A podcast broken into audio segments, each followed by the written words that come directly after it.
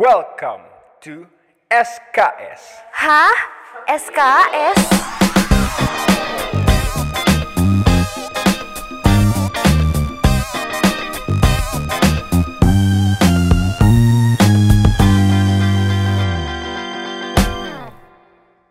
Assalamualaikum warahmatullahi wabarakatuh. Kembali lagi bersama saya dan di Maulana Akbar di konten Podfest. Podcast Festival Semansa University with Multivision Festum 2021. Oke, kali ini kita bakal melanjutkan topik-topik menarik lainnya dan kali ini akan kedatangan kakak dari mahasiswa UGM nih ada Kak Febrian Aditya Nugraha berasal dari manajemen bisnis UGM angkatan 2016. Nah, mungkin yang nggak tahu kita bakal bahas apa. Hari ini kita bakal bahas tentang kuliah itu penting nggak sih? Nah, kenapa podcast ini dan judul ini ada? Harapannya esensi kuliah selain belajar dan memotivasi audiens untuk lanjut berkuliah. Oke, kita langsung saja ya panggil Kak Febri, eh Kak. Ya, terima kasih. Selamat sore ya dan Selamat di sore, selamat pagi dan selamat malam. Oh iya. Gak tahu kan yang Tergantung yang dengarnya eh, netizen ya. Iya. iya. Nah, Oke. boleh Kak Febri nih. Tadi barangkali saya salah kenalin gitu. Kak Febri boleh kenalin diri lagi. Oke, em, nama saya nama lengkap ya Febrian Aditya Nugraha, ya biasa dipanggil Febrian, Febri, ya tergantung teman-teman aja. Tapi umumnya gitu. Kadang ada juga manggil Adit, ya. Hmm. Tapi biasanya di teman-teman SMA kuliah Febri manggilnya ya. Hmm. Ada juga Ebi ya. Ebi. Karena dari Cirebon jadi Ebi, udang Ebi. ya gitulah. Ya. Saya angkat uh, lul- masuk SMA 1 dulu tahun 2013, lulus 2016. uh, kemudian langsung kuliah di UGM, manajemen bisnis, Fakultas Ekonomika dan, Ekonomika dan Bisnis. Hmm. Jadi tahun 2016 masuk, lulus tahun 2020 ya 21 lah uh, peralihan gitu kan. Hmm. Ya kurang lebih gitu. Oke. Berarti sekarang sebenarnya kuliah itu udah selesai Kak? Ya kuliah udah selesai, tinggal wisuda sekarang. Oke, berarti topik kali ini pas banget dengan Kak Febri karena tahap dari berkuliahnya sendiri sudah dilewati Iya. nih Kak. Oke, ah sebelum masuk ke materi mahasiswa apa ya eh, semester akhir ini selama pandemi itu kesibukannya ngapain Kak?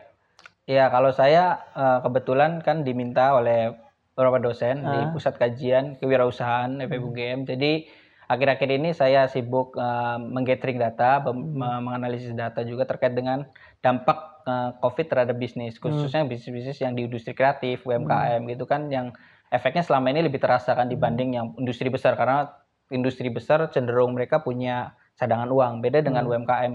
Kadang-kadang UMKM kan eh, duitnya juga bukan duit perusahaan, kadang-kadang duit sama duit pribadi nyamper juga gitu kan. Nah itu yang saya saya cari gitu. Kenapa eh, UMKM beberapa yang bisa bertahan itu kenapa gitu, beberapa UMKM yang hancur juga kenapa ya kurang lebih demikian lah. Saya. Oke, berarti ada riset-riset yang sedang dilakukan ya selama Iya, pandemi ini iya, kemarin. beberapa beberapa riset. Oke, berarti memang menurut Kak Febri nih kuliah tuh memang sangat penting ya kayak? Ya tergantung juga Oh. sih, tergantung pola pikir sebenarnya. Kuliah Hmm. penting nggak penting tergantung pola pikir. Tapi secara pribadi bagi saya ya kuliah itu penting ya. Oke, kalau kuliah penting, pasti kan ini kuliah ini bagian dari sebuah elemen.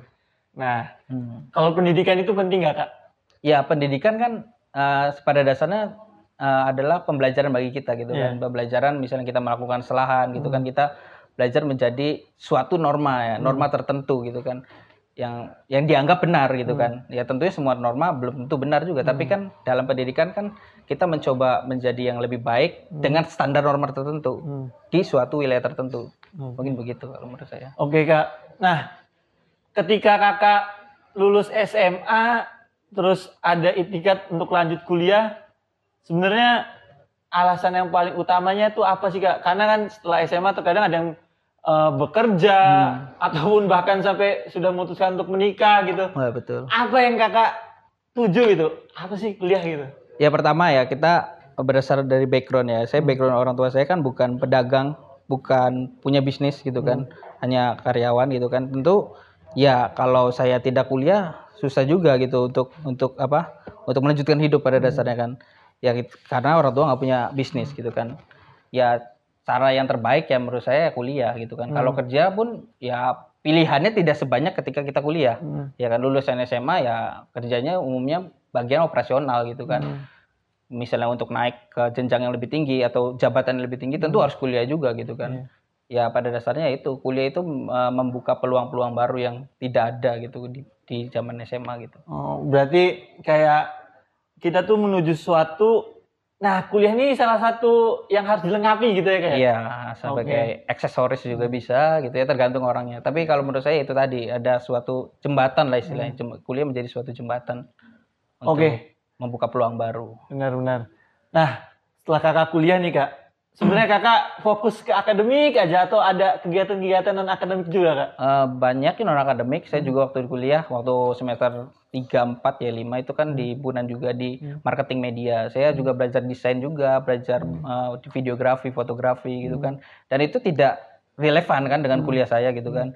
Walaupun di di divisi kul- himpunan itu ada divisi entrepreneurship. Hmm. Tapi yang saya waktu itu eh, masuk justru divisi yang berbeda ya dibanding eh, core core kompeten saya gitu kan. Saya berada di divisi media marketing itu yang berkaitan dengan desain, logo gitu kan. Itu kan berbeda suatu i- apa ya perspektif baru bagi saya di kuliah.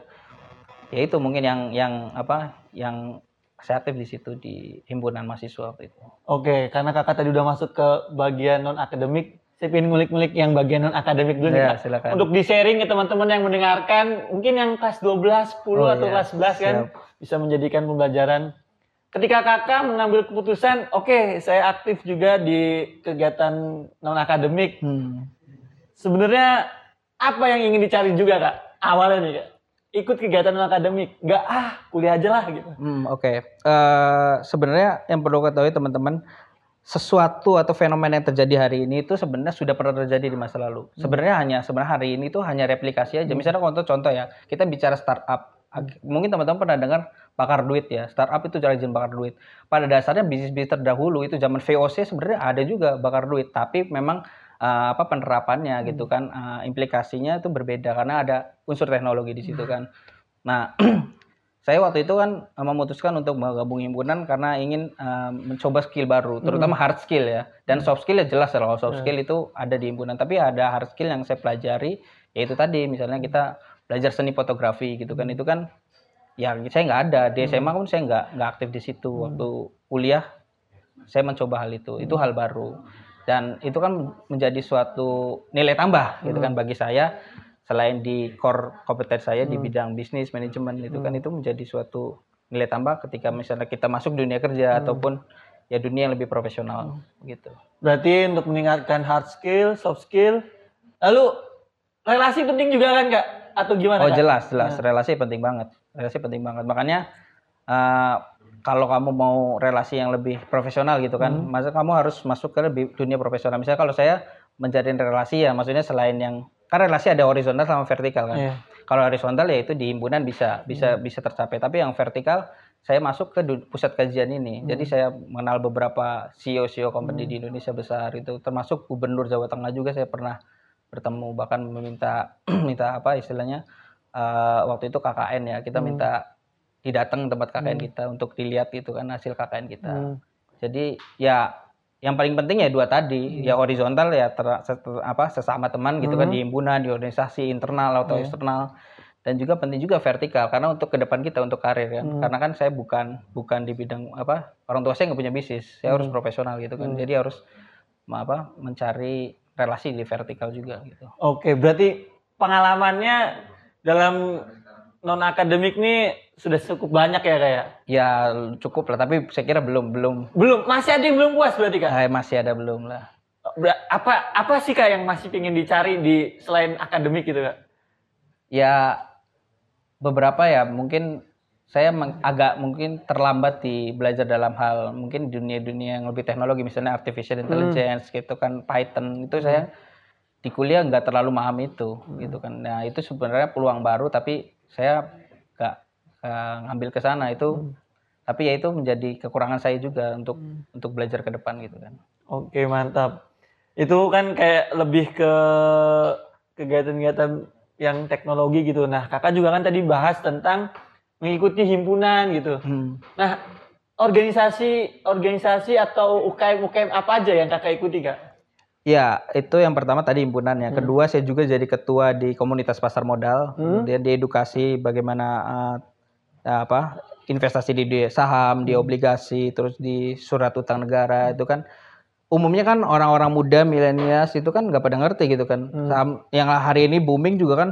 Oh ini saham-saham saham. sebenarnya banyak misleading menurut saya itu Hmm. yang yang kita harus harus apa ya harus bantu eh, istilah-istilah yang salah itu di, Hmm. di lebih tepat gitu kan ya itu jadi selain di himpunan saya juga di komunitas pasar, modal pasar itu di FEB itu Ya. Itu yang pasar modal berarti masih ruang lingkup kampus juga. Ruang lingkup kampus tapi terbuka untuk yang luar juga sebenarnya Oh. ya terbuka untuk luar Berarti memang fokus terhadap jurusan juga ya kak tentang bisnis. ya bisnis juga iya untuk pribadi juga iya Oh, karena iya. kan itu eh, sebagai personal finance juga Ah. untuk ke depan itu bekal kita sendiri sebenarnya Iya, iya, betul sekali. Tapi eh, mengikuti kegiatan-kegiatan kampus seperti itu, kakak emang dari awal masuk kuliah menjadi mahasiswa baru atau baru mulai kapan gitu kak? ya kalau kita eh, apa istilahnya kalau mahasiswa kan ikut organisasi gitu kan mulai semester 2 biasanya kan. Kalau semester 1 kan masih fokus beberapa yang ya dicapai misalnya ya beberapa apa istilahnya eh, kegiatan-kegiatan yang harus dari kampus gitu harus dilaksanakan kayak pengenalan-pengenalan gitu kan. Ya mulai bener-bener ikut himpunan semester 2 mungkin ya Semester dua. semester 2 ikut himpunan gitu kan semester semester 3 4 ya 5 itu kan saya jadi ketua, Ketua, di iya. itu. Jadi ya ada step-stepnya gitu masing-masing. Kalau semester 2 berarti emang dari awal kakak emang sudah ingin mencari ah nggak bisa nih kuliah doang gitu. Iya, ya. betul. Harus kita Betul.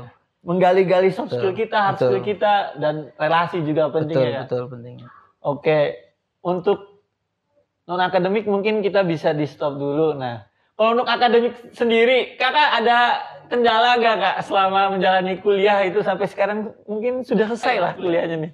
Kendala ada ya, Nah. kendala ada eh, berapa pernah juga mendapat nilai jelek gitu Nah. kan. Tapi yang dicari kan sebenarnya ketika kuliah ada nilai akhir.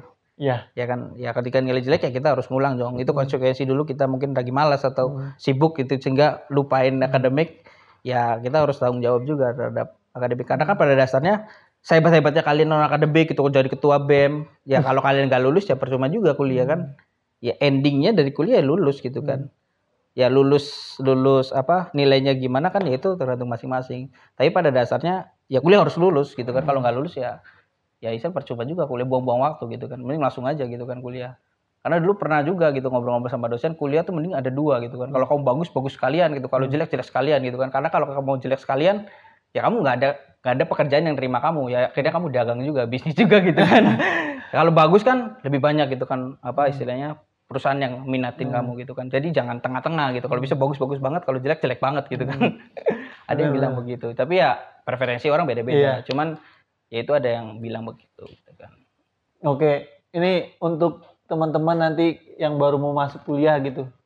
Nah, boleh kak diceritakan ketika kakak berada di dalam posisi titik terendah dalam akademik di masa perkuliahan itu apa yang yang kakak lakukan gitu kak hmm, oke untuk bangkit lagi dari titik terendah itu. Eh, Saya biasanya kalau di Jogja itu eh, keliling-keliling ya, keliling-keliling eh, berbagai apa, misalnya wisata sejarah, terus wisata-wisata yang ya saya melihat-melihat di sekitar aja bahwa eh, kalau kalau saya nggak menjadi yang terbaik ya saya nggak jadi orang kompetitif gitu ya. Wah, kayak saya kira saya akan susah bersaing gitu kan di dunia dunia profesional. Karena saya melihat ya dunia itu bergerak begitu cepat gitu kan, apalagi dengan ada teknologi ya saya harus harus bisa berkompetitif gitu. Jadi orang yang unggul gitu dibanding apa ya teman-teman saya gitu Oke, berarti tetap ada daya juang ingin bangkit ya. iya Kak? harus harus ada itu. Dari ya istilahnya motivasi internal ya. Hmm. kalau motivasi eksternal ya saya nggak nggak terlalu banyak. Lebih pada internal aja sih sebenarnya.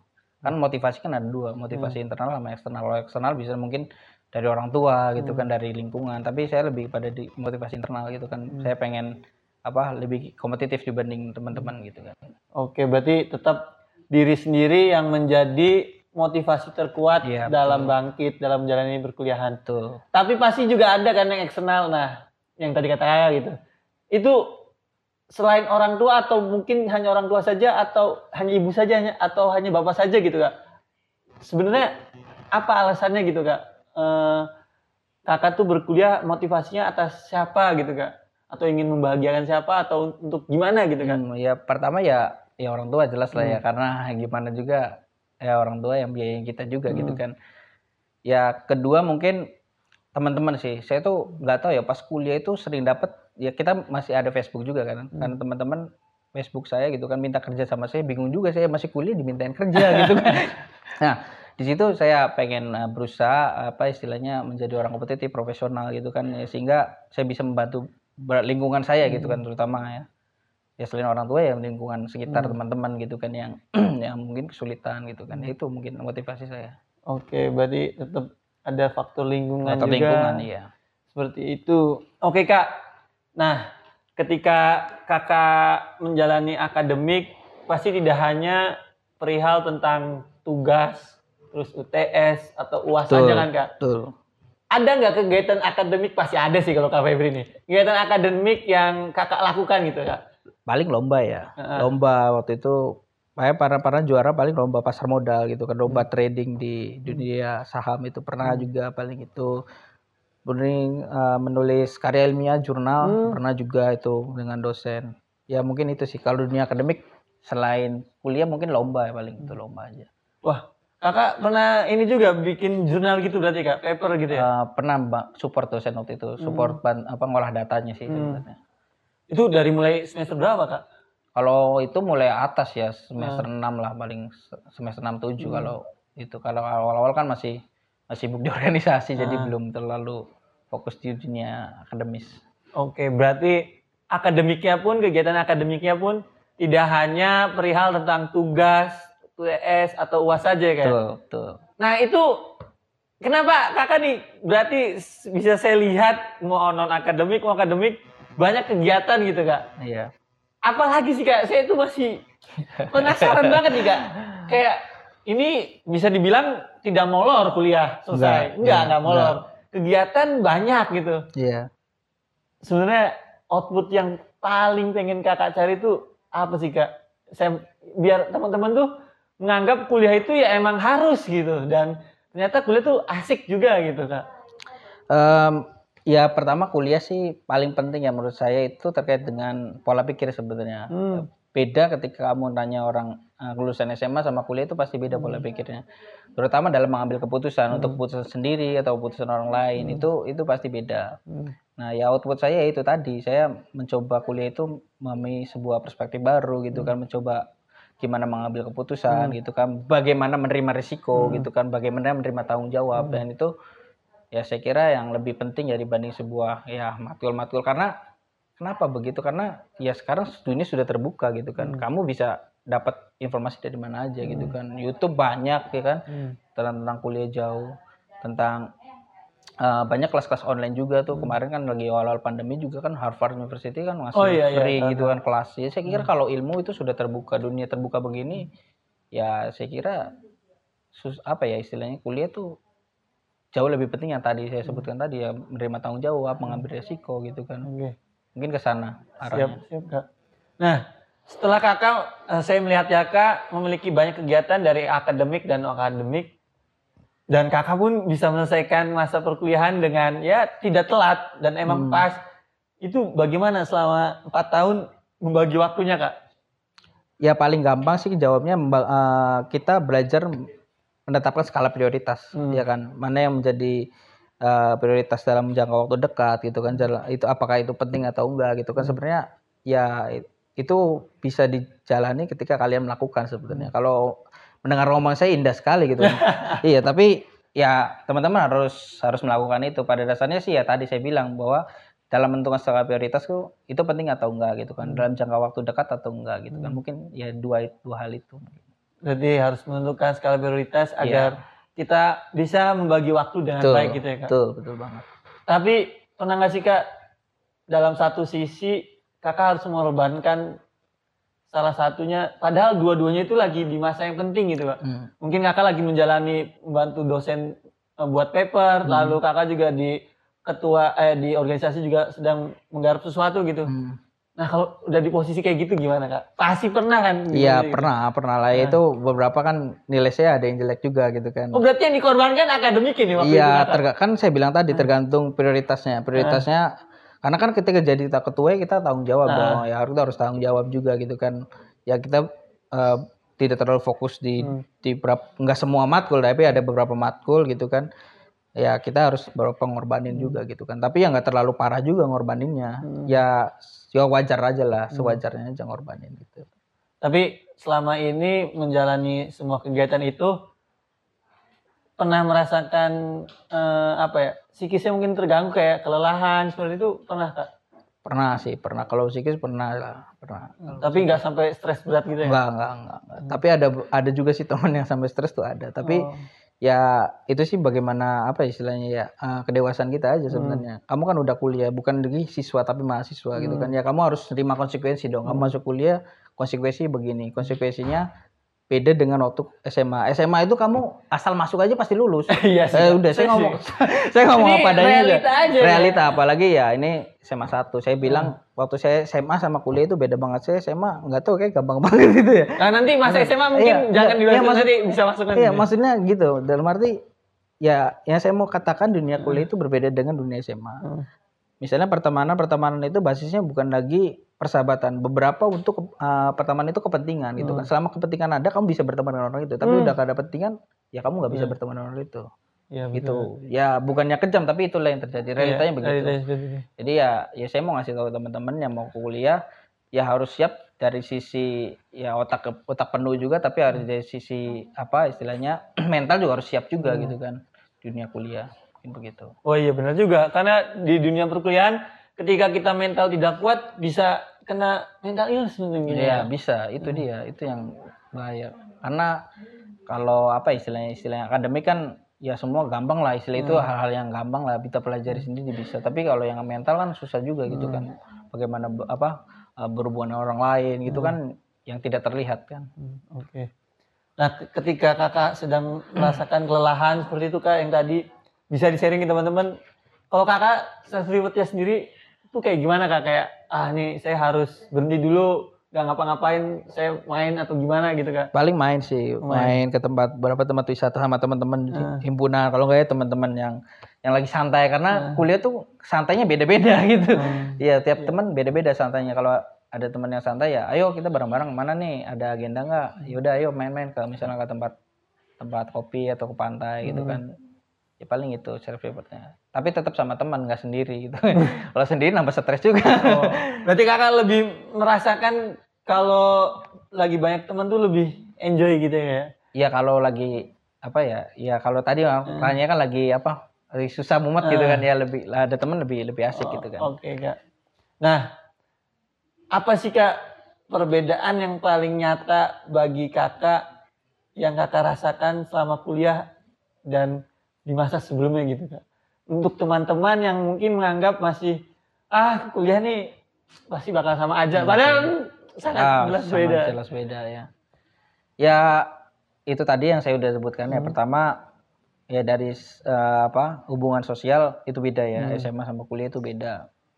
Tuntutannya dunia kuliah sama SMA beda. Kita di kuliah itu dituntut untuk lebih profesional gitu kan. Artinya profesional apa? Kita harus bertanggung jelaskan apa yang sudah kita lakukan gitu kan untuk apa harus eh, menyelesaikan apa tugas-tugas kita gitu kan. Eh, semua ditanggung sendiri gitu kan. Kalau dulu SMA kegagalan kita ditanggung wali kelas gitu kan, Iya, ditanggung benar. sekolah. Tapi enggak di dunia kuliah. Itu yang nanggung kita sendiri. Orang tua nggak bisa intervensi hal ini. Kita harus belajar ya, itu belajar dewasa, men- mengambil tanggung jawab kita. Gitu. Oke, berarti memang dari eh, tanggung jawab selama kuliah dan SMA juga berbeda dan bagaimana kita menghadapi sosok guru juga mungkin berbeda Iya, ya. Beda itu. Ketika kuliah tuh kayak seperti bukan guru yang ngejar kita. Kita kalau SMA kan kayak ayo Iya. tugas-tugas mana gitu. Iya, iya, Tapi kalau kuliah tuh kayak malah kita yang harus nyari guru, nyari dosen itu. Betul, ya. betul, betul. Kita jemput bola ibaratnya. Kita kita jemput bola di sana. Ya karena ya kalau ya dosen kan nggak ngapal semua mahasiswa. Kalau kita kan ngapal dosen lebih mudah gitu kan. Jadi ya dosen nggak peduli kamu gitu kan. Iya, Yang peduli ya hanya nama kamu di lembar ujian gitu kan. Eh, ujiannya bagus ya udah gitu masukin nilai yang nggak kenal kamu gitu kan. Kalau be- kalau sekolah kan beda. Tiap hari ya gurunya ya cukup hafal itu kan kelas-kelasnya. Apalagi kalau saya jam di kuliah itu sistemnya kelasnya ganti-ganti. Mungkin ada di beberapa kuliah universitas kan kelasnya sama, dosennya ganti. Mungkin jadi gitu Kalau saya dari semester 2 udah ngacak. ngacak. Ngacak, Nah, ya. saya juga ngacak gitu. Jadi nggak ada yang namanya grup kelas, yang ada grup matkul. Jadi waktu Iya. tamat kuliah, saya itu grup lain sampai 150-an ada gitu. Iya, jadi grup kelas gitu. Jadi bingung gitu. Sat- Satu, misalnya dari grup kelas ada grup lagi di lagi. Iya. Grup jadi kelompok satu ya? bunyi bunyi semua. Drrrr, tuh. jadi kadang-kadang tenggelam gitu. Ya, ya itu menjadi apa ya warna lah warna, Warna. tersendiri ya. Jadi ya yang saya bilang tadi kuliah itu nggak nunggu tapi itu harus jemput Kita bola. yang jemput bola ya. Betul. Kak? Betul sekali. Ingat teman-teman yang sedang mendengarkan, kita tuh pas kuliah harus kita yang jemput bola. Kalau Betul. tidak jemput bola, kita bakal ketinggalan ya. Betul. Oke, kita korelasikan dengan masa saat ini. Kakak Pak merasakan kuliah pandemi. Terakhir aja sih ini Ah. pas di bimbingan skripsi ya kemarin Hmm. bimbingan skripsi merasakan itu. Tapi kalau kelas saya nggak nggak terlalu lah karena nggak ada kelas kan waktu Oh. Iya. itu. Iya. Dan ini nanti saya mau masuk-masuk ke masa perkuliahan di pandemi ini karena teman-teman yang nanti mungkin masuk kan pas pandemi juga nih ya Kak. Betul betul. Nah, perbedaan yang sangat signifikan bagi kakak, ya walaupun tidak merasakan kelas teori di Iya. pandemi ini, apa sih kak?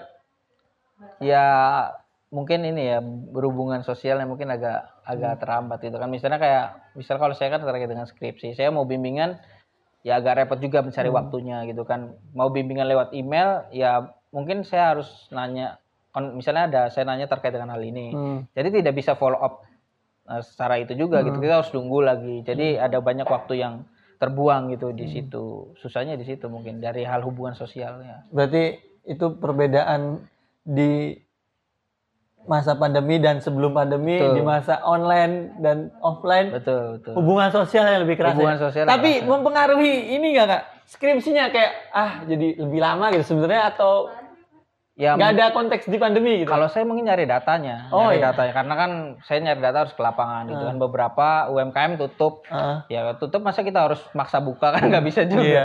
Ya kita harus nunggu gitu kan. Ya banyak waktu terbuang yang saya kira sia-sia, tapi ya kita harus ngalah juga kan. Ya pandemi mau, Pandemi. mau kita mau lawan gimana gitu kan.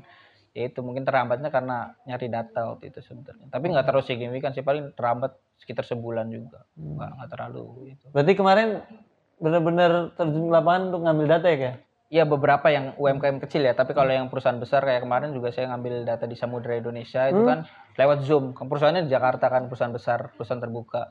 Ya saya lewat Zoom gitu sama komisarisnya ya kita Zoom gitu kan. Itu kakak dapat relasi kayak gitu gimana kak cerita Ya di pusat pusat kajian itu, Pusat pusat kajian. kajian perusahaan. Oh, Ya saya bilang tadi Ah. kan, kita di organisasi itu kita punya relasi horizontal, ah, tapi kita di akademik yang lebih serius itu kita bisa dapat relasi yang vertikal oke. gitu. Saya ada yang menarik nih. Jika kakak sudah mencari relasi sebanyak itu, apa yang kakak ingin tuju setelah besok wisuda? Iya, yang paling jelas ah, kerja ya kan, Ah. kerja. Tapi saya nggak tahu juga saya ada rencana ngambil sertifikasi sebenarnya. Tapi nggak tahu masalahnya masih pandemi atau enggak gitu kan. Karena repot juga ngambil sertifikasi, kelas sertifikasi pas pandemi gini kan. Tapi yang pasti ya kerja lah, nggak nggak nggak dalam jangka waktu jauh, jangka waktu dekat kerja Hmm. gitu. Berarti bakal linear nih kak pekerjaan dengan eh, lulusan kuliah gitu kak? Ya saya nggak tahu linear atau enggak, tapi di mana ada kesempatan saya ambil. Oh, gitu aja. oke. Kita jadi orang oportunis aja lah. Siap. Iya karena ya kita nggak tahu gitu kan Ka- karir pet kita nggak tahu. Selama itu memang ada kesempatan bagi kita, kita ambil aja. Kita jangan jadi orang idealis sih. Iya. Kita masih muda, idealis repot juga gitu kan. Iya benar-benar. Begitu. Tapi, aduh jadi bahas-bahas idealis nih. Selama kuliah banyak juga nggak nemu-nemu teman-teman yang idealis gitu?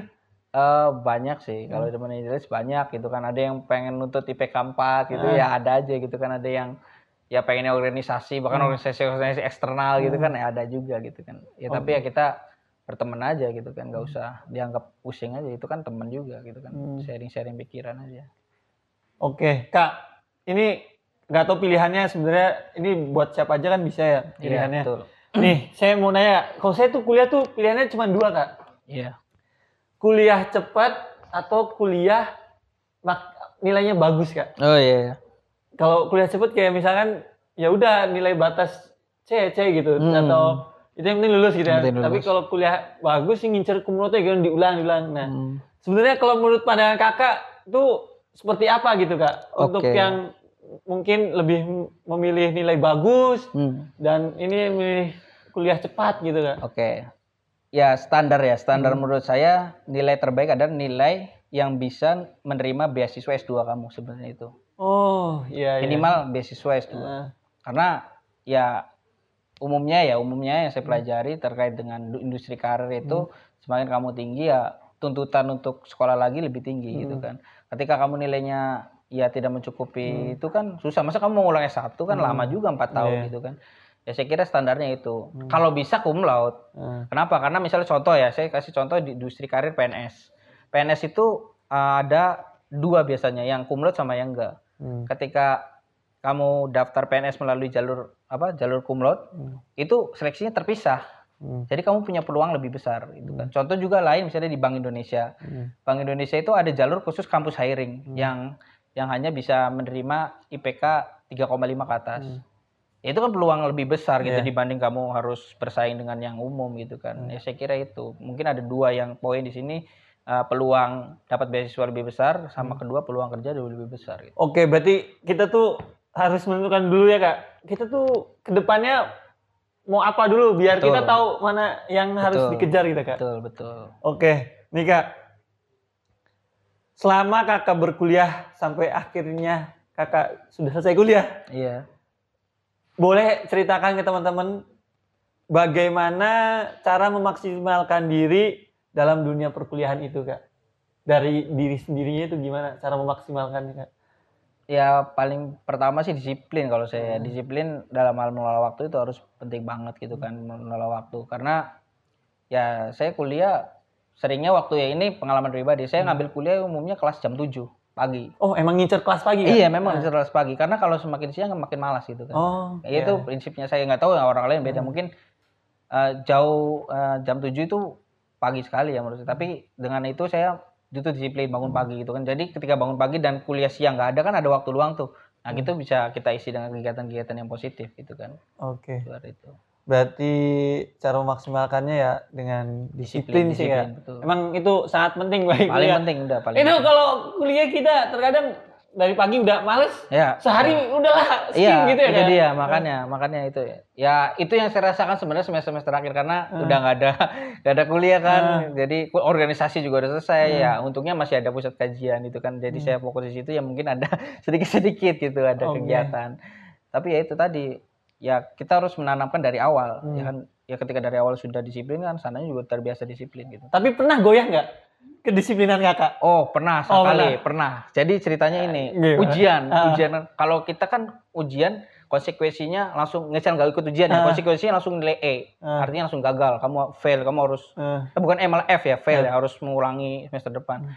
Nah pernah waktu itu ceritanya ujian business planning kalau nggak salah ya, Hmm. perencanaan bisnis gitu ya. Ujian tuh jam setengah delapan pagi, ya kan, jam setengah delapan pagi. Hmm. Tapi saya bangun jam setengah delapan pagi.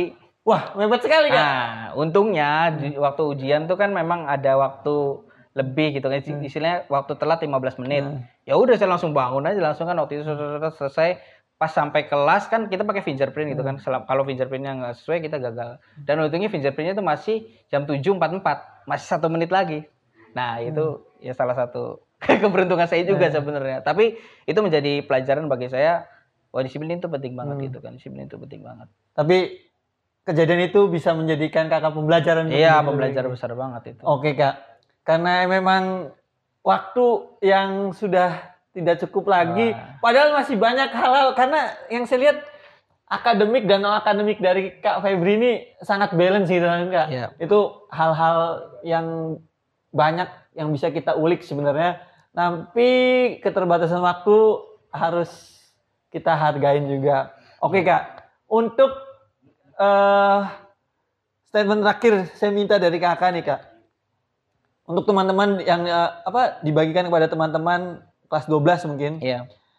motivasi untuk mereka kak. Oke. Jadi bagi teman-teman kelas 12, jangan melihat Bill Gates, jangan melihat Mark Zuckerberg, tapi kalian lihat berapa sih orang yang sukses segitu. Yang mereka tanpa kuliah DO tapi mereka sukses ya. Kalian bisa hitung sendiri. Ya saya kira hanya 0,0001 di dunia itu kan. Dan peluang sukses di dunia kuliah itu jauh lebih besar dibanding orang yang nggak kuliah gitu kan. Dalam arti sukses itu artinya kalian bisa melanjutkan hidup ya, bekerja dapat duit begitu kan. Selain itu ya kalian bisa eh, membina rumah tangga yang baik gitu kan. Itu kuliah itu jauh lebih besar peluangnya dibanding ya tidak berkuliah. Gitu.